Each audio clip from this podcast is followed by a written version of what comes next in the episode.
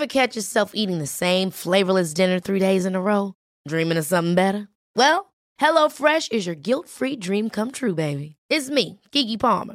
Let's wake up those taste buds with hot, juicy pecan-crusted chicken or garlic butter shrimp scampi. Mm.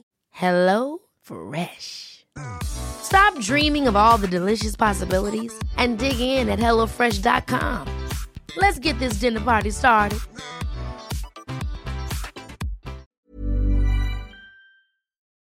Vi har en stor nyhet.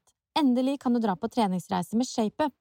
Stedet er Spania, Costa del Sol, nærmere bestemt et vakkert og koselig sted som heter Fungirola, bare 30 minutter fra den kjente byen Marbella. Det er lansert to uker, og datoene er 18. april til 25. april og 25. april til 2. mai 2023. På treningsreise med ShapeUp får du være med på en herlig treningsuke med masse variert trening. Noe av det du kan forvente, er bootcamp, styrke, høypuls, mobilitet og selvfølgelig nede i kjelleren-økter. I tillegg serveres det en morsom og lærerik militærinspirert økt hvor du skal få kjenne på lagfølelse, oppgaveløsning i team og mestring.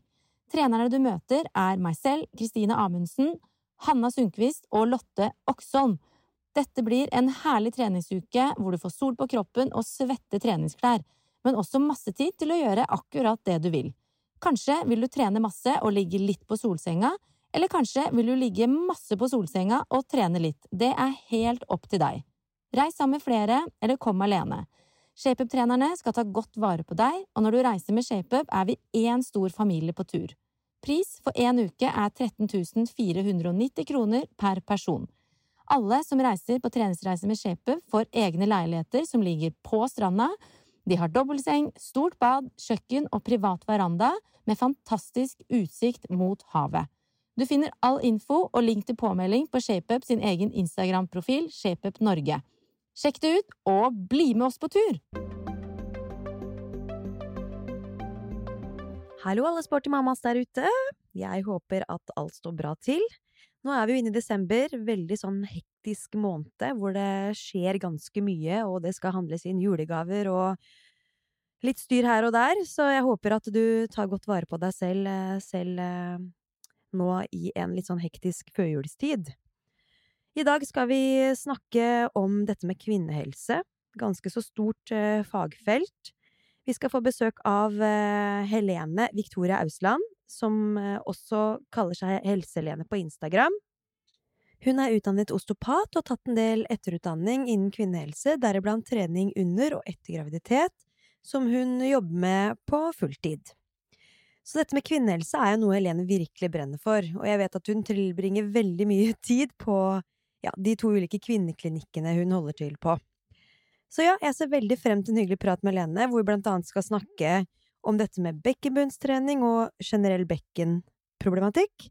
Så har vi jo dette med delte magemuskler, som skjer hos alle under graviditet.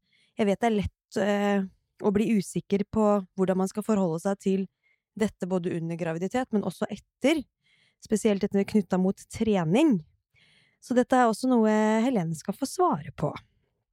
Ellers er det jo naturlig å spørre Helene om hvordan man kan tilpasse treningen under graviditeten, når man kjenner ubehag og vondter, samt hvordan man bør ta fatt i treningen etter fødsel. Vi har også fått en del lyttespørsmål, vi, som Helene skal få svare på sånn helt avslutningsvis. Så ja, dette her blir jo en veldig spennende episode, og forhåpentligvis også informativ og lærerik. Målet med praten med Helene er jo å gjøre deg som lytter tryggere på treningen du gjør både under og etter graviditet. Så god lytt! Sporty mamma.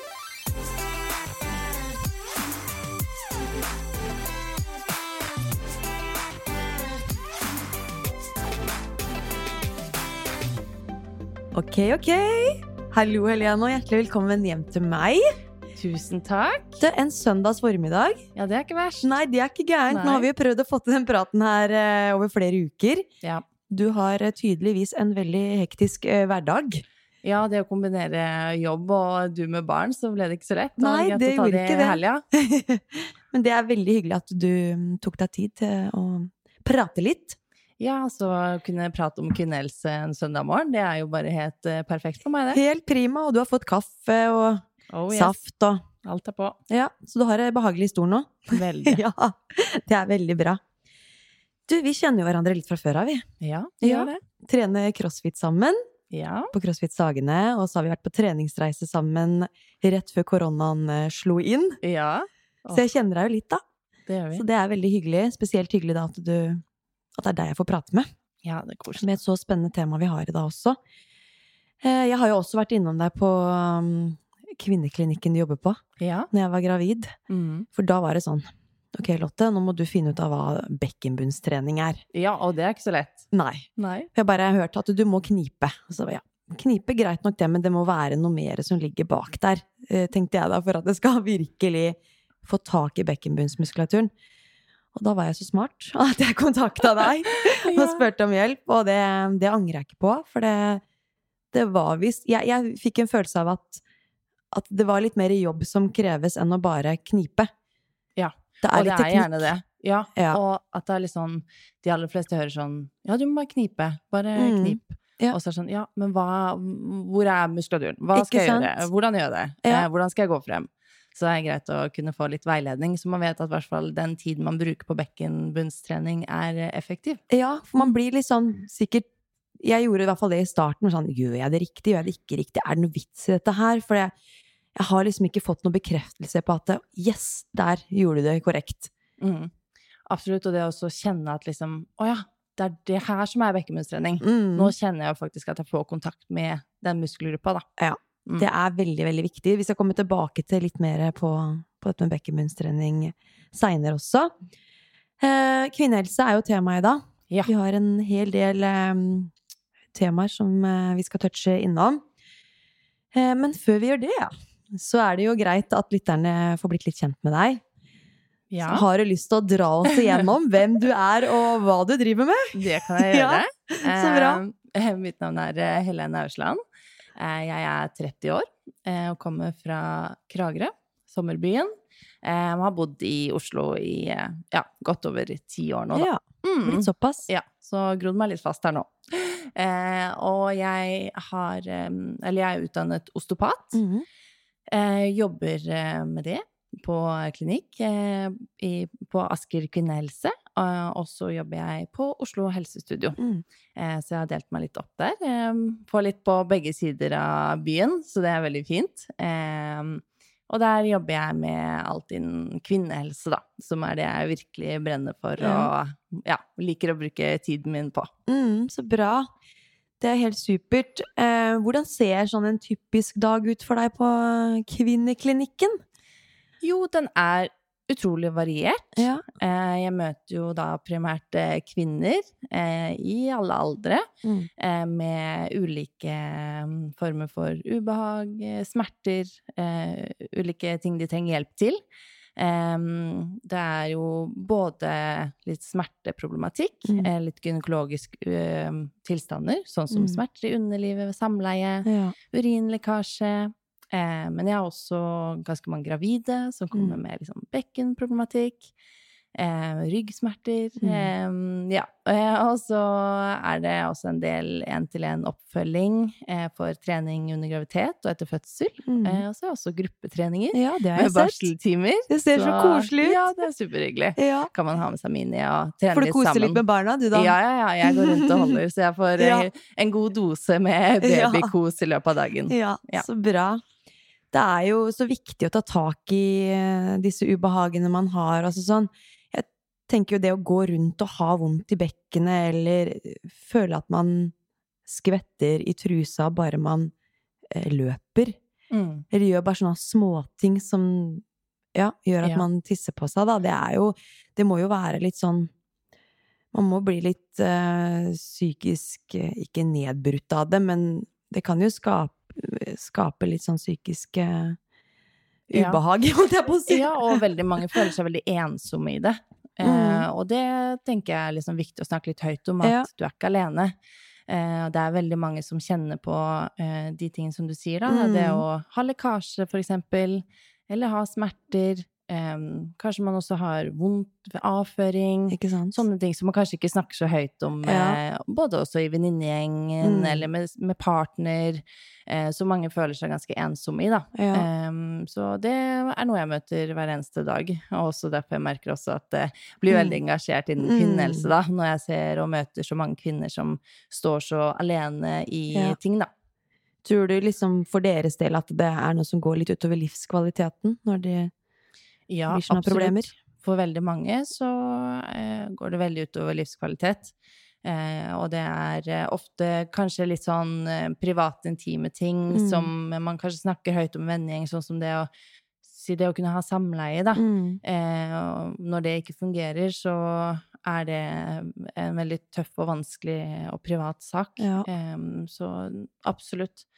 Det går veldig ofte utover eh, også psykisk for mange. Mm. Mm. Da må du ta den praten og ikke være psykolog, men på en måte Ja. komme med noen ordentlige velmente Tørre å liksom også snakke høyt om det, da. Mm. Og tørre å kanskje si ok, kan, har du noen nære venner du kan snakke med det her om? Mm. Og de aller fleste, når de først har den praten med noen venner, så sier de sånn ah, hvorfor gjorde jeg ikke det her før? Ja. Altså, det er jo, og så er det noen andre venninner som også sliter med det, Mm. og så det er ikke bare jeg som tisser alene, på meg liksom. hvis jeg skal uh, prøve å løpe, eller Nei. eh, sliter med at jeg får luft ved samleie, og, og det er, da er det Mm. fint å kunne dele, og kanskje også merke at åh, jeg er heller ikke alene. Nei. Og så er man litt flere om det, da. Mm, at du på en måte kaller normaliserer det litt, da. Ja. Mhm. Det er nok viktig. Ja, absolutt. Det er veldig mange tabuområder innenfor kvinn kvinnehelse som vi Mm. burde få litt mer opp og frem. Ja. Det er veldig bra. Du brenner jo virkelig for dette med kvinnehelse. Ja. Og det er jo sånn, hva er det som gjør at det fagfeltet er så viktig og givende for deg, da? Jeg tror det er spesielt det med møte med pasienter i hverdagen, da, hver eneste dag, hvor, eh, hvor jeg har de flotte og fine samtalene med enkeltpersoner um, som blant annet kanskje sliter med ting, eh, og som kanskje ikke får den hjelpen de skal, kanskje føler seg litt som en kasteball i helsevesenet, og ja, em, man ikke får den tilstrekkelige hjelpen Mm. man skal ha, og det kjenner jeg at det, det provoserer meg veldig, Mm. og jeg kjenner at det også engasjerer meg veldig til å hjelpe flere. Um, ja, og støtte de kvinnene i den kampen de har, både Mm. og én, men også som fellesskap for kvinner, da. Ja, så bra. Det er så viktig Mm. at eh, man har folk der ute som ønsker å ja, skyve frem dette med kvinnehelse. Ja.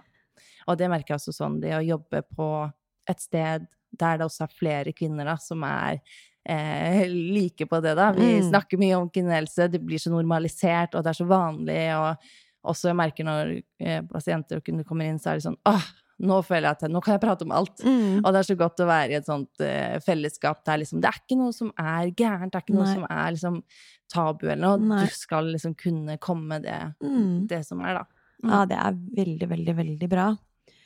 Eh, vi skal jo snakke om det første temaet, som er um, fysisk i svangerskapet. Yep. Og hvorfor er fysiaktivitet og trening så viktig for den eh, gravide dame? Begynne litt med det, Ja. for å få fram det der. Veldig viktig tema. Um, og også noe som uh, man ser sånn uh, i forhold til uh, gravide kvinner, at Mm. mange ikke er i fysisk aktivitet, og Mm. Em, når de målene som man skal, da, um, som er anbefalt. Uh, og det å også holde seg i bevegelse. Um, trenger ikke å være den mest voldsomme økta, men bare det å gå seg en Mm. tur, holde seg i gang, uh, være i fysisk aktivitet. Da. Det er så mange helsegevinster både for den gravide kvinne, både under graviditeten, fødsel og etter fødsel. Eh, så der må vi virkelig pushe på Mm. og prøve å få ut budskap om hvor eh, viktig fysisk aktivitet er. Ja, absolutt. Opplever du liksom at det kommer en del damer til deg på klinikken og trenger sånn veiledning og råd eh, for treningen fordi de rett og slett er redd for å gjøre enkeltøvelser feil, eller ja, er redd for å gjøre fysisk aktivitet generelt for å Ja. skade Eller i redsel for å skade seg selv da, og fosteret? Ja, veldig. Og jeg tror kanskje det er derfor mange stopper med trening. Ja. Både fordi det er sånn Oi, jeg er gravid, hva, hva gjør jeg nå? Mm. Eh, må jeg legge om? Må jeg gjøre om? Eh, men jeg er jo glad i å løpe, kan jeg ikke løpe lenger? Eh, Ja. hva skal jeg gjøre nå? Eh, og mange også som kanskje har eh, slitt med å få barn, blir veldig redde for eh, abort og Ja. Um, ja, man eh, er litt sånn eh, i villrede der, da. Mm. Uh, så det å kunne veilede og også normalisere bare fortsett med det man gjør. Mm. Uh, det er ikke noe sånn hokus pokus her. Du kan eh, fortsette med det du liker, så lenge du ikke får vondt og du er mm. inne og har noe risikosvangerskap, så er det bare å fortsette med det du liker. Og Ja. fysisk aktivitet er det jo viktig at man også ja, eh, driver med det man syns er gøy. Sånn at eh, trening skal jo være gøy. Ja, absolutt. Mm. Og det er jo så Jeg husker det så godt fra jeg var gravid selv, at man, blir, man er i en sårbar posisjon. Og blir fort litt sånn rådvill når det kommer til anbefalinger for eh, aktivitet og trening. Selv jeg som er personlig trener. Ja. Eh, fordi det kommer en del utsagn fra venner, familie og Mm. andre folk rundt som skal mene noe om hva du kan gjøre og ikke kan gjøre. Mm. Og gjerne sånn eh, fra familie og ofte, ja De som på en måte har født for 30 år siden. Ja, absolutt. Så blir det litt sånn Ikke, ikke gjør magetrening, det, det er farlig, det kan skade fosteret. mm. Eh, For det var kanskje anbefalingen på den tiden, da, at man skulle unngå ja, visse Også- øvelser. Absolutt. Så jeg, tenker jeg sånn at eh, så lite på en måte forskning vi har på det nå. Du Mm. kan tenke deg når, når da eksempel mødrene våre eller eh, besteforeldrene våre Ja. de hadde i hvert fall ingenting å forholde seg til. Nei. Da var det jo veldig sånn ja, finger opp og bare Mm. Kanskje du skal gjøre det? Ja. Og det henger nok litt i enda. Mm. Eh, vi har jo selvfølgelig en eh, god vei å gå på eh, forskning på, eh, på det, men Mm. man vet det at fysisk aktivitet er superviktig for en Ja. gravid kvinne. Eh, så mm, ja, vi får fremme det. Ja. Og dette med magetrening, da. For det er sånn typisk at du skal unngå å gjøre mageøvelser. Ja. I hvert fall det. Kall det de, den eldre generasjonen har som tanker enda, da. Ikke sant? Og vi vet jo det at eh, det er bare å fortsette å trene mage. Mm. Eh, og så er det jo ulike ma- Mange møter jo på noen utfordringer etter hvert, med at eksempel at magen blir mye større, og det er ikke så veldig lett å skulle gjøre en Mm. situp med en stor mage. Eh, og så at de rette magemusklene deler seg, da, som, Mm. eh, som gjør også at du ikke får den kontakten med Mm. muskulaturen. Men så er det viktig da å huske på at eh, vi har mange andre muskler i magen som man kan trene. Eh, både på siden og Mm. skrå, og ja, Mm. masse muskler. Så fortsett å gjøre varierende magetrening. Mm. Eh, det er kanskje etter hvert eh, er vanskelig å gjøre de rette situpsene, så kan du jo gjøre sideplanker og skrå og rotasjoner. Ja. Eh, og bruke magetrening som vanlig trening, da. Mm. Så ikke farlig med magetrening. Det er ikke farlig. Det er bare bra. Nei. Bare bra for alt. Bare bra. Ja. Ja. Men eh, dette med mm, Mange opplever jo sånn smerter i svangerskapet. Det er sånn typisk sånn bekkenproblematikk og sånn. Har du liksom noen råd til hvordan man kan tilrettelegge treningen, eller trene rundt ja, alle typer vondter, da? Ja, og det er jo noe man ser ganske mye av under graviditet, at eh, en del får noen utfordringer. Mm. Eh, og kanskje også derfor mange stopper litt opp med trening. Der man kanskje er vant til å ta, si utfall, eller ja. Eh, og så kjenner man at ah, nå får jeg vondt i symfysen, Mm. eller jeg får vondt bak, eller eh, det føles ikke riktig ut. Eh, så er det sånn, ok, men hvordan kan du trene samme musklene på en annen måte? Ja. Eh, og tenke litt mer alternative øvelser, da. Mm. Det er alltid mange forskjellige øvelser for å kunne trene én muskelgruppe. Mm. Eh, så det er også ok, men eh, prøv den her istedenfor. Eh, og man må være litt kreativ. Eh, og for mange så kan det eh, hjelpe med for eksempel eh, Si hvis du er vant til å løpe, men du begynner å få vondt. Hvordan er det med ellipsemaskin? Mm. Hvordan er det med romaskin? Eh, kanskje svømming er noe som kan funke for deg. Eh, prøv å finne på en måte måter som eh, du kan fortsette å holde deg i fysisk aktivitet på. Mm. Det er ikke noen grunn til å på en måte bare slutte helt med trening. Eh, du kan finne masse gode alternativer eh, som gjør at du kan fortsette å trene ja, eh, gjennom hele graviditeten, da. Ikke sant? Jeg opplevde jo selv når jeg var gravid at det var en periode hvor jeg ikke kunne gjøre utfallsvarianter. For da kjente jeg det plutselig litt eh, i korsryggen og ja, over Ja. bekkenområdet på siden, da. Og da var det sånn, ok, da gjør jeg heller andre øvelser, beinøvelser, og så mm. slapp det. Og så kunne jeg gå tilbake til utfallsøvelser sånn helt på tampen, rett før jeg fødte, liksom. Så det er jo Ja, og det også er det sånn Ok, kanskje ikke funket denne uken, men kanskje Mm. neste uke så funker det. Eh, og liksom ikke være sånn Ikke vær redd for å prøve. Du Nei. merker fort hvis kroppen sier ifra om at nei, Nei. dette her kjentes ikke så bra ut. Nei. Ok, la være litt, og så prøv en litt senere, og så kjenn, kjenn etter. Ja, så det å ikke eliminere øvelser for godt, da, men Ja. å ta det opp igjen og teste litt, Absolutt. for plutselig så kan det ha endra seg. Også. Ja, det kan være veldig fint. Ja, Mm. så det er veldig bra. Trene rundt skaden og ja, Mm. hele veien. Ja, finn gode alternativer som funker for deg. Mm. Og hvis man Ja, det er jo ikke alle som har den øvelsesbanken i hodet til å forstå at da kan jeg gjøre den øvelsen istedenfor den, Mm. eh, og vet hva slags Ja, hva slags øvelser som går på ulike muskelbruk. Eh, men eh, da må man jo rett og slett kanskje søke litt hjelp, da. Ja, og det kan jo være smart hvis man lurer på det. Em, for å da kunne finne noe som passer for deg, da. Og veldig ofte sånn Mm. når jeg møter kvinner, så er det sånn Så viser jeg kanskje en annen alternativ, da. Så er det sånn Å ja! Selvfølgelig! Den der funker jo kjempebra. Mm. Eh, og så er det bare det lille der som skal til for Ja. at man kan fortsette å trene, da. Mm. Eh, og de helsegevinstene du får ut av det, er eh, så store og viktige at eh, det, det Mm. er verdt å gjøre det. Ja, absolutt. Og så er det dette med bekkenbunnstrening, som er klart anbefalt for eh, gravide, men også selvfølgelig etter graviditet. Men Ja. nå snakker vi jo litt mer i graviditeten her. Hvorfor er dette med kni det å knipe så viktig? Det er jo en del av de endringene som skjer eh, når man er gravid. Mm. eh, i forhold til bekkenbunnsmuskulaturen og bindevevet, eh, som får litt mer elastisitet, Mm. som gjør at eh, bekkenorganene, da, eh, sånn som livmoren, og endetarmen og blæra, som ligger oppå bekkenbunnen vår, eh, får litt mer tyngde, og også selvfølgelig fordi at barnet vokser, så eh, livmoren vil ta mye mer plass, og også ha mer tyngde ned på bekkenbunnsmuskulaturen. Så er det det også eh, trene eh, muskelgruppen, også mye for den opptreningsbiten som kommer etter fødsel. Ja. Ja. Men eh, er det liksom For anbefalingen er tre ganger ti knip hver dag? Er det ikke det? ja. Tre ganger om dagen. Ja, tre ganger Ja. om dagen! Det må ikke glemme! Seks eh, måneder, opptil seks måneder Ganger med tre, faktisk. faktisk. Ja. Det er ganske mye, eh, og det er mengdetrening. Ja. Um, så jeg pleier å si til mine kunder at tenk på det som en eh, rehab-fase, spesielt sånn Mm. etter fødsel, da. Um, men også den biten før fødsel, Mm. der du på en måte Ok, hva kan du gjøre sånn forebyggende litt for tiden etter fødsel? Ja. Jo, ok, eh, sett i gang med bekkenbunnstrening, og det er Mm. også anbefalt det for førstegangsfødende fra tredje trimester. Ja. Eh, og det er da også få kontakt med muskulaturen. Det er mye lettere også å trene bekkenmunnsmuskulaturen.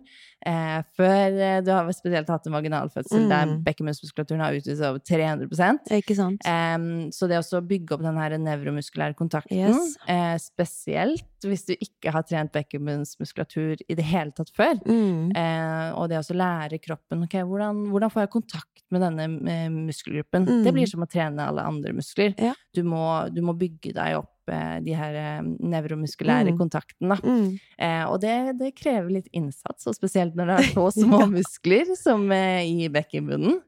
Eh, ja, er, eh, man har litt lyst til å bruke rumpa eller magen eller lårene eller alle de andre store musklene Ja. rundt, da. A lot can happen in three years, like a chatbot may be your new best friend. But what won't change? Needing health insurance. United Healthcare Tri Term Medical Plans, underwritten by Golden Rule Insurance Company, offer flexible, budget friendly coverage that lasts nearly three years in some states. Learn more at uh1.com. Hey, it's Ryan Reynolds, and I'm here with Keith, co star of my upcoming film, If, only in theaters, May 17th. Do you want to tell people the big news? All right, I'll do it. Sign up now and you'll get unlimited for $15 a month in six months of Paramount Plus Essential Plan on us. Mintmobile.com slash switch. Upfront payment of $45 equivalent to $15 per month. Unlimited over 40 gigabytes per month. Face lower speeds. Videos at 480p. Active Mint customers by 531.24 get six months of Paramount Plus Essential Plan. Auto renews after six months. Offer ends May 31st, 2024. Separate Paramount Plus registration required. Terms and conditions apply if rated PG. Så når eh, Jeg husker jo jeg kom til deg, Ja. Og da snakka du om en glidelås. Ja. Du, du skal ikke bare knipe Knipe kjeden, på en måte. Du skal jo knipe Ja, hele veien. Vi har jo litt flere Hvordan er gangen der. i det, det greien der? Hvordan er det du på en måte, når det kommer en, eh, en eh, dame inn til deg, Mm. Ja, hvordan er, forklarer du eh, dette her da? Det er, det er jo det å finne ut av hva, hva passer for deg. Ja. Eh, hvordan, hvordan klarer du å få kontakt med de musklene? Og veldig ofte så må jeg bruke masse forskjellige metaforer for å klare å liksom Ja. finne ut av hva som passer for hver enkelt. Mm. Eh, og så er det alltid sånn ah, der, den der skjønte jeg! Nå, nå, der tok jeg den. Mm. Eh, men sånn som for deg, da, Ja. som glidelåsen fungerer fint. Eh, og det er det å se for seg at man har en glidelås Mm. som starter helt bak fra halebenet, Mm. eh, der man kniper da at den går eh, gjennom eh, endetarmen, skjeden og urinrøret. Mm. Så det blir en sånn glidelås der du får med hele bekkenmuskulaturen. Ja. Fordi bekkenbunnen består jo av alt eh, som er i bekkenbunnen vår, og vi Mm. trenger å få kontakt med muskelen som er rundt endetarmen, skjeden og urinrøret. Og så Mm. skal vi heise den litt opp og innover. Mm. Um, så det å se for seg den glidelåsen kan være, funke for veldig mange. Mm. Mm. Og da husker jeg også at jeg lå liksom litt på ryggen og gjorde det, og så prøvde jeg litt på siden, Mm. sideliggende, og litt på alle fire. Ja, det er jo anbefalt at man gjør bekkenbunnstrening i ulike posisjoner. Ja, riktig. Eh, og gjerne finn én posisjon der du kjenner sånn fra starten. Altså som ryggliggende kan være veldig sånn eh, fin måte å starte på, fordi Mm. da slapper man godt av i kroppen. Eh, mange kjenner at den utgangsstillingen funker veldig bra. Eh, så start med den. Eh, bygg deg litt opp. Kjenn at ja, nå det her begynner jeg å mestre. Og så legg deg opp på siden. Mm. Kjenn gjør akkurat det samme. Eh, kan sitte, du kan stå på alle fire. Ja. Eh, ja, så stå. Eh, utfordre deg selv til å eh, også Da bygger du opp den her altså, eh, nevromuskulære kontakten Mm. i, i, av bekkenmuskulaturen, sånn at den eh, klarer å stå imot ulik belastning i ulike Mm. posisjoner. Ja, riktig. Når man gjør denne bekkenbunnstreningen, så kreves det jo fokus for å få dette her til. Ja, Mange er, jo litt mange er jo litt interessert i å gjøre det i, kalde supersett, med å amme eller eh, gjøre andre ting, da. Ja. Tror du det kan redusere litt effekten av det du gjør da, når fokuset ditt ligger på flere arbeidsoppgaver? Ja, jeg, jeg tror at spesielt sånn i starten, Ja. når du skal lære deg, så krever det litt mer eh, fullt fokus. Eh, og mange blir veldig sånn overraska over liksom Å, jeg må virkelig fokusere, da. Mm. for å få det til. Eh, og det å starte liksom, Til du blir ordentlig god på det, da, eh, så gjør det liksom 100% eh, Ja. Og liksom sette liksom heller litt ekstra tid på å gjøre det. Ja. um, sånn at du gjør det skikkelig. Og så når du blir uh, veldig god på det og kjenner at liksom, ja, men dette får jeg fint, så kan du jo fint gjøre det når du sitter og ammer etter Ja. hvert, da, for eksempel. Eh, men jeg vil absolutt anbefale å gjøre det litt isolert, sånn for å bli ordentlig god på det. Mm. Så er det det å motivere seg til dette her, da. Jeg og Yes. Hanna kjenner jo hverandre Ja. Kjenner at det var litt sånn vanskelig. Og det er jo det de aller fleste sier. Ja. Og jeg ser jo det på eh, på når jeg har timer og sånn, så er jeg alltid sånn Ja, neste gang så kommer jeg til å spørre dere har, om Mhm. dere har gjort bekkenbunnstrening fra gang Mhm. til gang. Eh, og så er det sånn Da vet de at jeg kommer til å spørre, og da er det alltid noen som er sånn åh, jeg vet at jeg må gjøre det, for Helene kommer til å Mhm. spørre meg neste gang. Eh, og hvis det er motivasjon, så er det good. Eh, du Ja. må liksom finne ulike eh, måter å motivere deg på, da, som Mm. passer deg. Ja. Eh, og da prøve å finne liksom Ok, er det å bruke en app, for eksempel? Mm. Det er mange gode apper som du kan bruke til bekkenbunnstrening, der du både får påminnelse, det står kanskje hvor lenge du skal holde, du skal bare gjøre det som står der. Ja. Eh, noen bruker for eksempel ulike apparater som man kan ta i skjeden, Ja. eh, der man også får det opp eh, på telefonen, så kan man spille spill. Eh, eh, man kan også eksempel skrive ned for hånd. Mm. Eh, det er mange måter å gjøre det på, så man må liksom bare prøve å finne ut av hva passer for deg, da. Mm. Eh, det tror jeg kanskje er det viktigste. Ja. Jeg merka veldig at jeg um, fikk mye igjen for å gjøre det knytta til treningsøkta mi. Ja. Enten i forkant eller etter Mm. treningsøkta. Mm. Men da må jeg jo innrømme at det blei jo ikke tre ganger ti tre ganger daglig. det blei Men eh, Mm. det er vel ikke bortkast, da? selv om Nei. ikke man klarer å få tre ganger ti tre ganger daglig. Absolutt ikke. Eh, og det er jo anbefalinger her, og så er det veldig store variasjoner på eh, hvordan utfordringer folk har. Ja. Eh, og hvis du kjenner på eh, eksempel nedpress, Mm. eh, ubehag i underlivet, kanskje urinlekkasje Mm. eller eh, luftlekkasje, så er det jo enda viktigere at du faktisk følger opp mot det som står på Ja. anbefalingene. Ja. Eh, og så må du på en måte tilrettelegge ut fra hvor, eh, hvor mye som passer for deg, da. Men det er jo eh, det er mengde som må til, og det er en liksom sånn rehab-fase etter Mm. fødsel der eh, du helst skal gjøre det her opp mot seks eh, måneder etter fødsel. Og også hvis, hvis du fremdeles har urinlekkasje, eh, så bør du fortsette med det også. Mm, for det er god evidens for at eh, denne bekkenbunnstreninga har god, re- ja, god respons på dette med i hvert fall å unngå urinlekkasje. Ja. Men Luft- også og litt andre ting også. Ja, eh, absolutt. Eh, og det er jo det som er behandlingen for eh, sånn som eh, urinlekkasje, da. Og underlivsprolaps, for eksempel. Mm. Nå er det ulike graderinger på det, Ja. eh, og de aller fleste har jo i hvert fall en eh, grad 1 etter fødsel. Men også eh, noe mer gradering, så, så vil det også være hensiktsmessig å eh, ordentlig sette i gang med skikkelig bekkemunnstrening Mm. for å få gode resultater på det, da. Ja, riktig. Nei, det er, da hører man. Det er veldig viktig. Så man må ta tak i det. Man må det, faktisk. Ja. Ja. Har ikke noe valg. Nei. Bare å få, få det gjort. Ja. Vi skal snakke litt om trening etter fødsel òg. Ja. Er det noen klare retningslinjer for oppstart av trening, annet enn at man bør vente seks uker eh, før man starter å trene? Eh, der er det litt sånn individuelt Ja. eh, i forhold til fødsler. Eh, for noen eh, så er det, føler de seg veldig sånn klare for eh, trening etter seks uker etter fødsel. Eh, noen kjenner seg ikke klare i det hele tatt. Eh, så jeg tenker må man bare være litt sånn snill med seg selv, og også la den der første tiden etter fødsel, spesielt de seks til åtte ukene eh, etter fødsel, der eh, kroppen også har en sånn tilhelingsfase. Ja. Eh, livmoren skal trekke seg tilbake igjen, man har ofte blødninger, så det er også det skjer mye innvendig som man kanskje ikke ser, Nei. men som er viktig å ta litt hensyn til, og la faktisk kroppen få gjøre de prosessene den trenger etter en fødsel. Ja. Um, og så er det jo det å starte med, med knipeøvelser og aktiveringsøvelser av mage, eh, og det er noe du kan starte med allerede rett etter fødsel på Mm. sykehuset. Eh, og da også hvis du har jobbet med det her i forkant av fødsel, så er det så mye lettere å sette i gang med det igjen etter fødsel. For da vet kroppen hva den skal gjøre. Selv om du kanskje ikke kjenner at du får kontakt, Mm. for det, det tar tid før muskelen begynner å reagere litt, Mm. eh, så merker mange at liksom, det kommer seg ganske fort, da. Eh, og det å skulle sette i gang med helt, altså sånn eh, bekkenbunnstrening hvis du ikke har gjort det før, Ja. eh, med en gang etter fødsel, eh, og muskulaturen er kanskje hoven, eh, og den har kanskje fått en skikkelig stor påkjenning, så er det ekstremt vanskelig å klare å knipe og kjenne etter. Eh, så du får utrolig mye igjen for den jobben du legger igjen eh, da i graviditeten Ja. med bekkenbunnstrening, og også sånn som med magetrening. Da blir det så mye lettere med den opptreningen. Mm. Og, og også den tiden fra du kanskje sluttet å trene, til du begynner å trene igjen, er ganske kort. Eh, og det vil også være litt avgjørende for deg, da.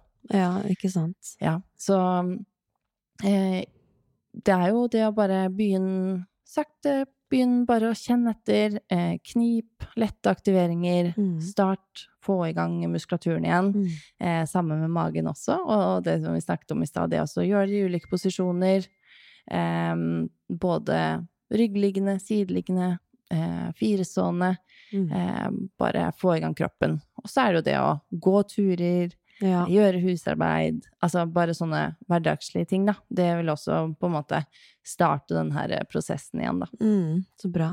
Mm. For du har jo disse barseltimene dine og sånn på klinikken, Ja. og mm, da kommer de til deg da. Er det mange av de som du på en måte følger opp fra start, liksom, før de seks ukene?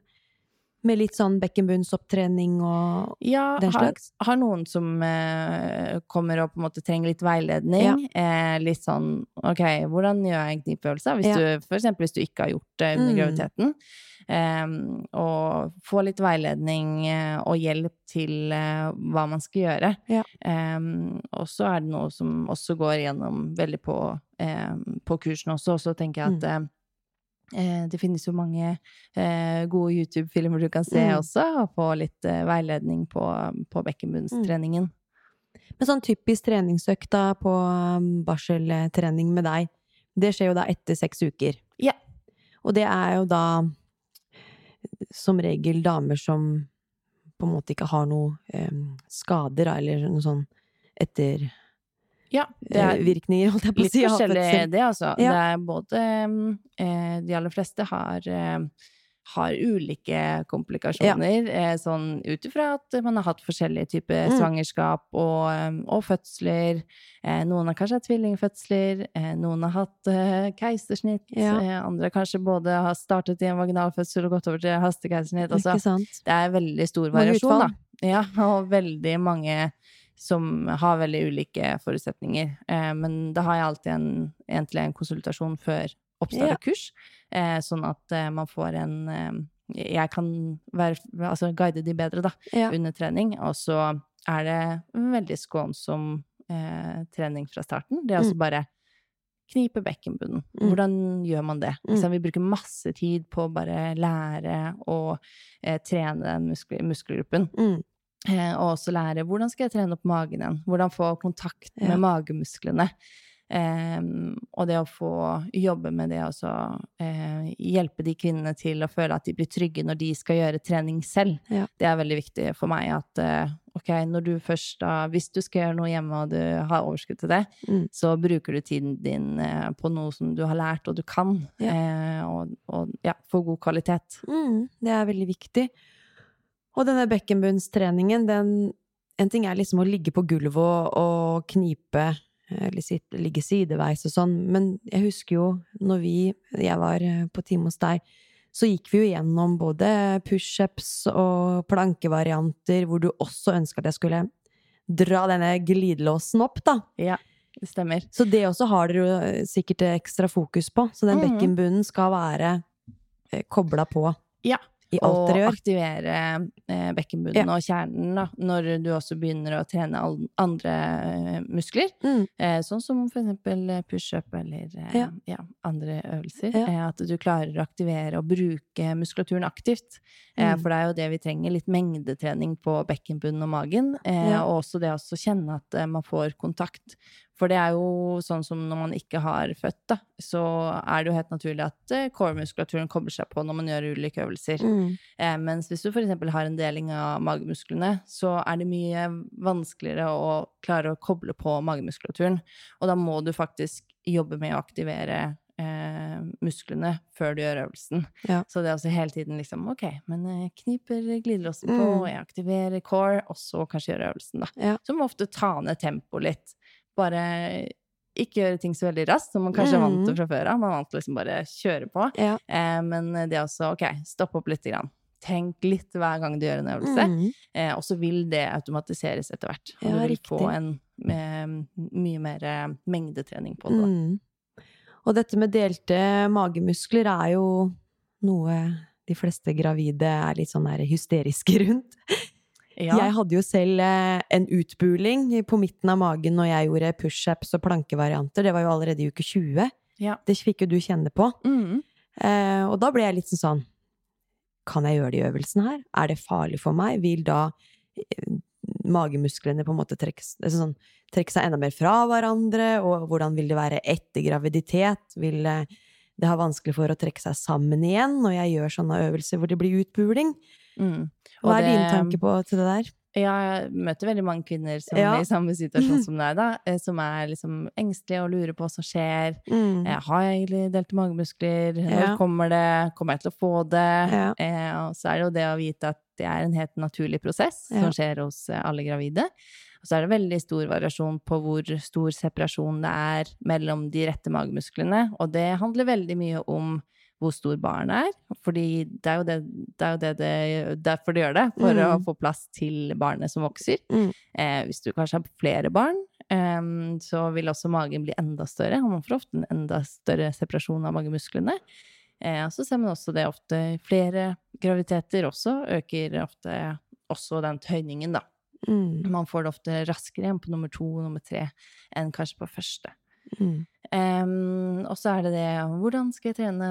Um, og det er litt det samme her som etter fødsel. Um, det å aktivere bekkenbunnen, magen. Mm. Em, kjenn etter at uh, ok, hva er, du, hvordan, hva er hensikten med den øvelsen du gjør? Ja.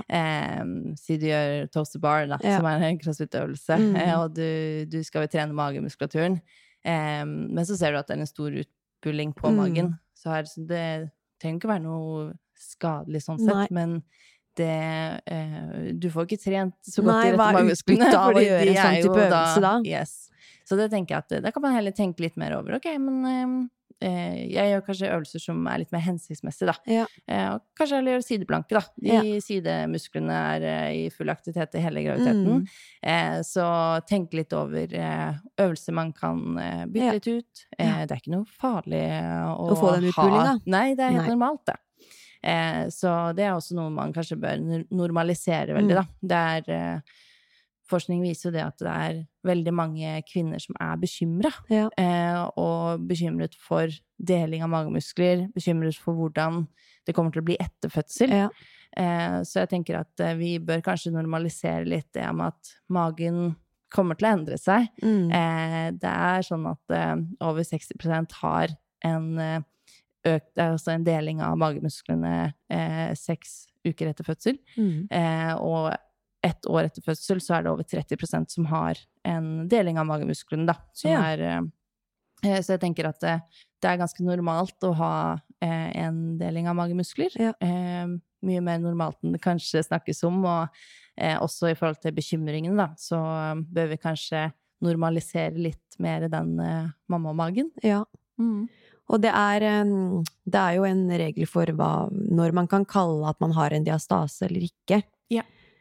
Hva det er liksom- jo hvis du har over tre centimeter eh, deling av de rette magemusklene, Ja. eh, så har man eh, rektusdiastase. Ja. Mm. Og veldig mange har jo litt mellomrom. Ja. Eh, og jeg har ikke født eh, engang, og jeg har litt mellomrom. Mm. Eh, og det er helt normalt for Ja. meg. Og mest sannsynlig kommer det til å være sånn etter fødsel òg. Og hvis Mm. jeg ikke hadde sjekket det, så ville jo ikke jeg heller visst det. Tenkt over det. Ikke sant? Em, og det er jo ikke noe farlig å ha en, en lite, altså mellomrom mellom magemusklene. Um, og også det med at man kan helt fint være kjempesterk i magen, selv om man har en deling av Ja. magemusklene. Eh, det, Det går ikke utover funksjonen, på en måte. Nei. Nei. Eh, og der tenker jeg man Vi bare, kanskje burde snakke litt mer om det at Mm. funksjonen og det å bli sterk eh, er også eh, mulig. Det er ikke sånn at Mm. fordi du har en deling, så kan du ikke trene magen, eller eh, du kommer ikke til å bli sterk, for det, det er ikke det som er tilfellet. Nei. For jeg tenkte litt sånn sånn, ok, nå har jeg, får jeg en stor utpuling i x antall øvelser, vil det da gjøre at eh, at jeg vil få en diastase etter graviditeten? Man begynner å tenke litt sånn, men det er ingen forskning som tyder på at hvis man gjør mye magetrening, og man får den store utbulingen, at det vil Nei, Gå gærent, på en måte, Nei, i etterkant. og det er jo, vi ser jo det at det er ikke noen enkeltøvelser som på en måte eh, gjør at de magemusklene går sammen. Nei. Em, det viktigste der, tenker jeg, det å trene magen. Mm. Eh, husk på at det er funksjonen som er det viktigste. Eh, Mm. det at du får kontakt eh, med alle med musklene i magen, og trener eh, alle de ulike magemusklene. Mm. Eh, og ikke være så bekymret for det. Vi trenger gjerne mer forskning på Mm. akkurat det. Både sånn eh, øvelser og retningslinjer for det. Men det kommer helt sikkert. Ja. Mm. Det har jeg forska litt, på dette med situps eh, Mm. knytta mot Og det eh, diastase og sånn. Det så vi før, så var vi jo veldig sånn Nei, du skal ikke gjøre situps. Ja. Man var redd for at det økte mellomrommet mellom magemusklene. Mm. Så ser man det at det er jo ikke det som Nei. eh, kommer frem. Em, og det sier jo litt om, på en måte, tenker jeg, hvor lite vi har hatt kunnskap Ja. om det her. Bare antatt, på en måte, ting. Yes. Mm. Og det er jo dessverre sånn at man man blir jo litt sånn at man eh, Det man antar Man følger det fram til man Mm. får forskning som faktisk viser at nei, det er ikke sånn det er. Eh, og så får vi da gå etter de eh, forskningene som er der, da. Mm. Så anbefalingen nå er egentlig at man fint kan gjøre situps uten problem. Ja. Og så tenker jeg det mange kjenner sånn som etter fødsel, da, det å gjøre en situps, det eh, Da vil du jo trene de rette magemusklene. Og vi Mm. vil jo det etter fødsel, fordi de har jo blant annet gått til siden. Em, og så er det hvordan gå frem, da. Det Mm. å da OK, knip bekkenbunnen, aktiver core, og så går du opp i en situp. Ja. Kjenn at du em, får kontakt med muskulaturen din, Mm. eh, og at du jobber faktisk med de musklene. Så det ikke man Hvis man ikke på en måte er noe påkoblet, så er det litt fort at man kanskje plutselig trener hofteleddsbøyerne mer, da, eh, enn faktisk magen. Mm. Og da er liksom hensikten med øvelsen borte. Så det viktigste er at man liksom Ok, full fokus, få Mm. kontakt. Eh, jobb med eh, å trene magen skikkelig når du Mm. gjør det. Ja. Du har mange kunder som kommer til deg og er litt hysteriske rundt delte magemuskler, eller Ja. hvordan er det? Ja, det er jo noe av det som bekymrer mange. Ja. Og litt sånn også eh, Spesielt litt sånn etter fødsel eh, bare. Og så ofte sånn eh, noen måneder etter fødsel sånn Mm. 'Hvorfor har magen min ikke trukket seg sammen?' og Ja. 'Jeg har så mye hud, og jeg har deling, og det buler', Ja. og eh, det, det er eh, Ja, jeg vet ikke, vi vi bør kanskje snakke litt høyere om at det er helt normalt eh, Ja. at eh, det tar litt tid. Og jeg sier Mm. du må ofte beregne opp mot et år etter fødsel Mm. på den rehab-biten, da. Eh, så det å også um, ha litt tålmodighet. Ja. Eh, kroppen er jo ganske kul sånn sett. Den, Ja. den fikser opp det meste Mm. selv. Eh, så ja. For noen tar det kort tid, og andre så tar det lengre tid. ja, det er helt riktig. Og så er det noen som vil ha en ganske så delt ma eller magemuskler, Ja. da, Mm. eh, videre. Det er det. Og det er veldig normalt da, for Mm. mange. Bare så sånn når man ser det at eh, over Ja. 30 har det ett år etter fødsel, Ja. um, så vil det si at det er ganske vanlig Mm. å ha delte magemuskler. Ja. Um, så ja. Så er det sikkert mange da som tenker mer på det kanskje det estetiske overfor funksjonen. Vi vet at magen har, vil jo ikke ha en dårligere funksjon av det, Mm. men at mange kan føle på det sånn estetisk sett, da. Ja. Har du vært borti noen Ja. sånne kunder? Og i hvert fall det med at uh, mange er mer bekymra fordi eh, magen ikke er som den skal, enn Ja. at de har lekkasje, for eksempel. Eh, og man ser det at liksom, det er veldig sånn Den magen eh, vil de gjerne få tilbake igjen, da. Ja. Em, så ja, jeg tror vi burde kanskje vri litt om på det der og snakke litt mer om eh, å normalisere at eh, mammamagen eh, Mm. ja, kan også være en Ha en deling av magemusklene og ha litt ekstra hud og kanskje et Mm. arr og Ja. Det er hel, heller normalen, da. Ja. Man bør være stolt av det på et vis. Ja, helt enig. Eller tenke mm. positivt rundt det. Ja. Hva, man, hva som faktisk har skjedd. Det er jo helt sykt Ja. at man kan føde et barn. Og det at eh, når jeg kjenner på magemusklene til mange kvinner, så er det Mm. sånn De er supersterke. De Mm. har så mye magemuskler. Eh, og så bare tror de ikke helt på det selv. Nei. Fordi det eneste de ser, er at det er et mellomrom, eller Ja. eh, det er ikke liksom sånn det har vært. Nei. Og så sier jeg kjenn på magen din. Mm. Kjenn på de musklene her. Mm. Du er jo supersterk. Og sånn Ja, det er jo faktisk eh, en del muskler der. Mm. Og så begynner man liksom kanskje å tro på det også. og Sånn, ja, Mm. men jeg er jo sterk. Ja. Dette, dette funker. Skulle ønske flere liksom ja, fikk den der Mm. godfølelsen rundt at liksom ja, vet du hva, jeg har en kjempesterk mage. Selv om Mm. jeg har litt eh, deling av Ikke magemusklene. sant? Så vekk med det estetiske og heller tenke funksjon. Ja. Det er viktig. Det er veldig viktig. Vi har jo noen eh, lyttespørsmål som har kommet inn også til deg, Helene. Det er veldig hyggelig. Som ikke vi må glemme. Ja. Helt på tampen der, så mm, jeg tror vi bare tar for oss de, vi. Ja. Vi gjør det. Um, da er det ei som har spurt her hvordan trene med fremfall etter graviditet.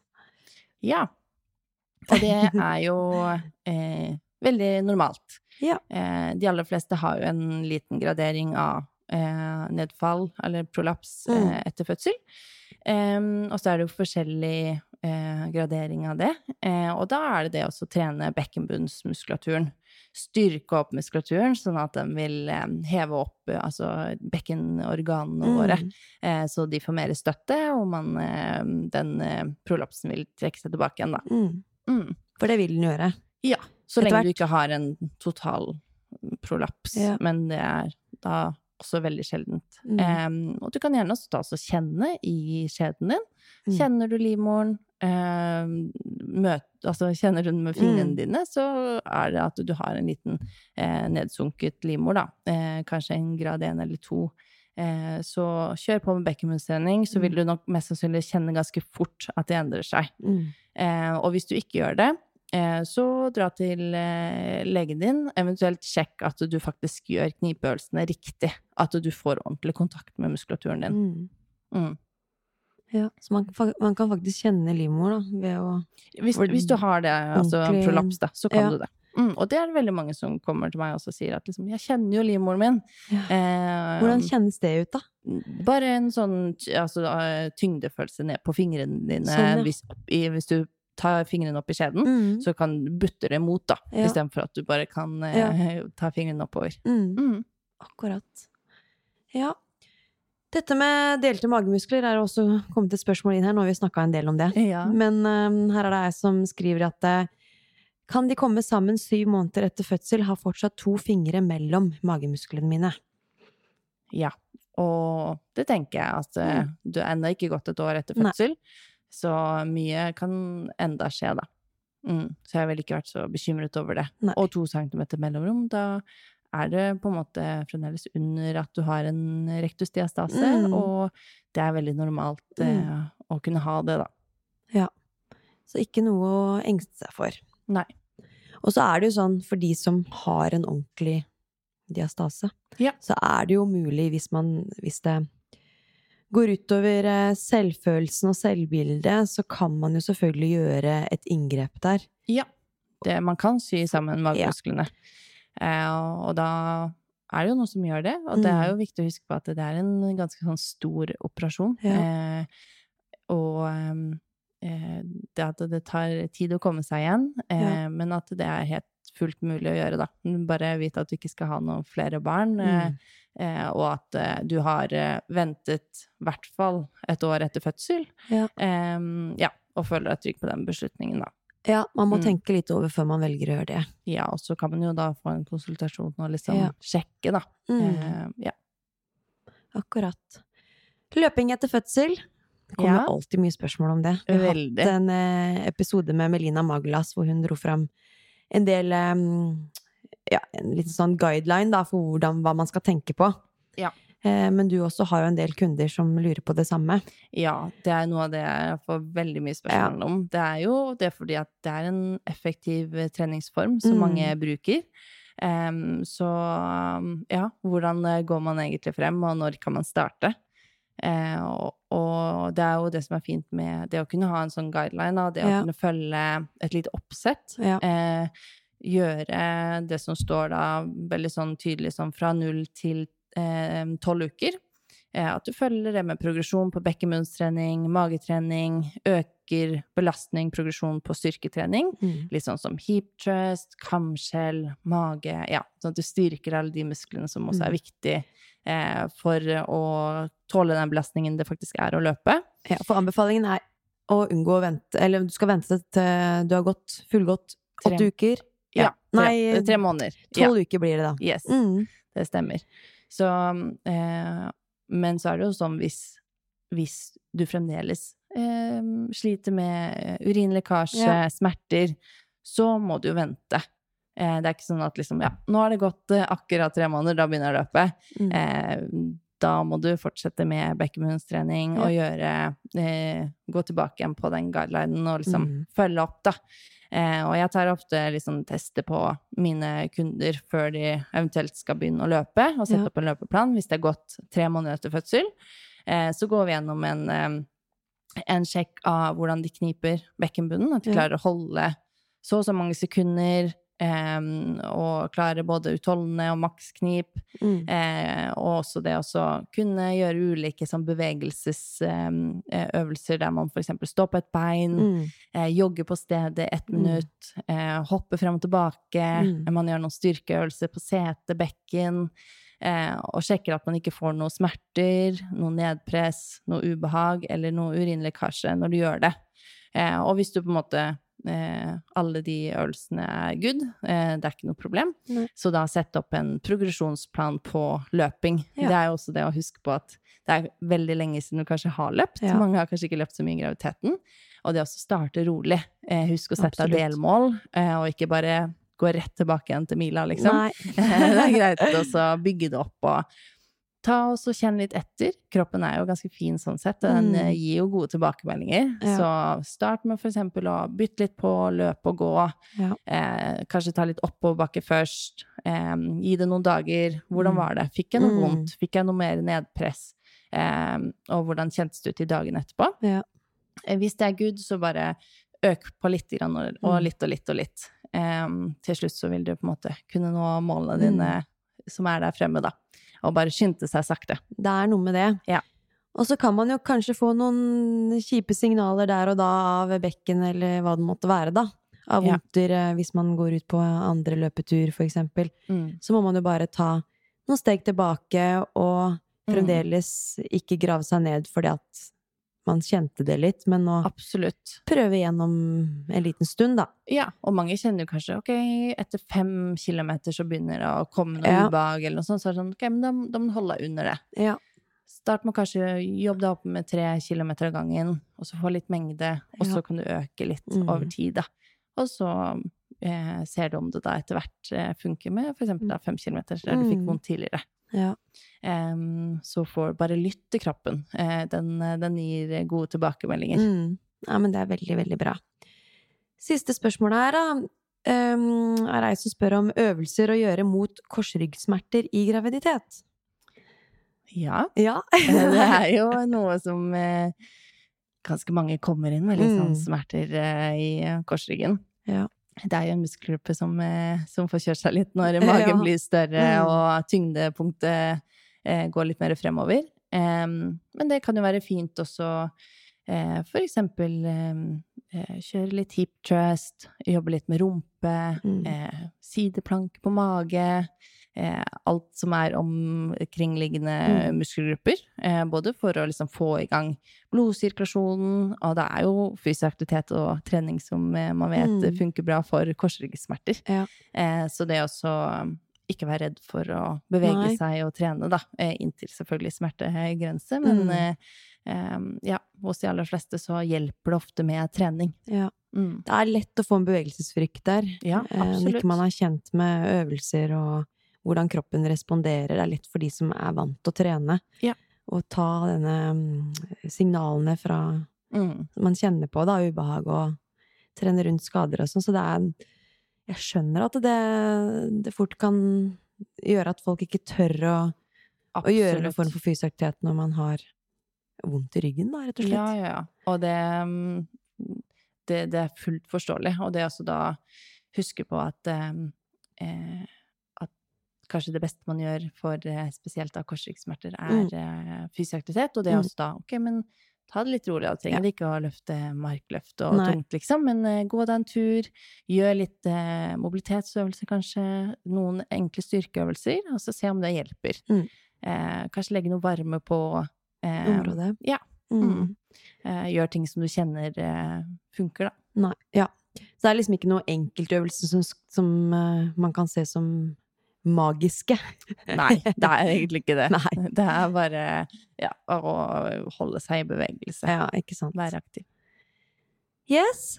Ja. Da var vi gjennom lyttespørsmåla. ja, det gikk fort. Ja, det gjorde faktisk det. Vi har jo vært innom veldig mye viktig tematikk her. Enig. Det er jo sånn, jeg kan jo skravle i evigheter Ja. om eh, de tem temaene her. Ja, det skjønner jeg veldig Eh, godt. Så det er veldig fint å kunne prate litt med deg om det. Ja, så Mm. bra. Og jeg er så glad for at eh, du tar deg tid, altså. En søndags formiddag. Det er ikke gitt. det er bare hyggelig. Ja.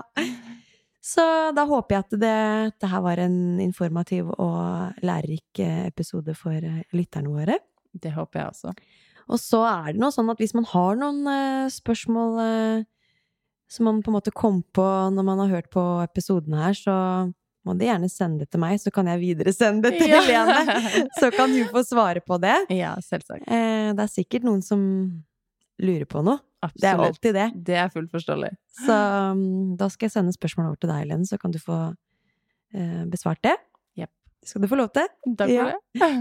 Eh, jeg tror vi runder av for i dag. jeg. Ja. Takk for at jeg fikk lov til å Ja. komme hit og prate om det jeg brenner for. Ja, det var virkelig veldig hyggelig. Så takk for at den jobben du gjør da, med kvinnehelse, og lykke til eh, videre Tusen takk. i klin på klinikkene dine. Ja. Ha det bra! Ha det! Sporty mamma.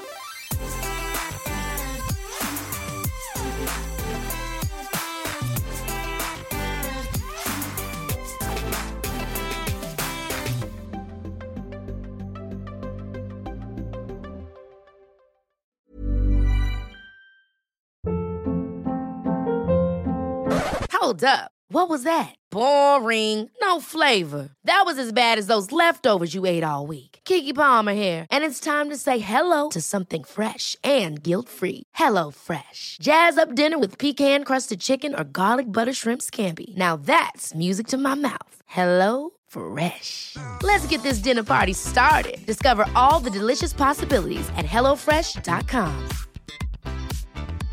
Mom deserves the best, and there's no better place to shop for Mother's Day than Whole Foods Market. They're your destination for unbeatable savings, from premium gifts to show-stopping flowers and irresistible desserts. Start by saving 33% with Prime on all body care and candles. Then get a 15-stem bunch of tulips for just $9.99 each with Prime. Round out Mom's menu with festive rosé, irresistible berry chantilly cake, and more special treats. Come celebrate Mother's Day at Whole Foods Market.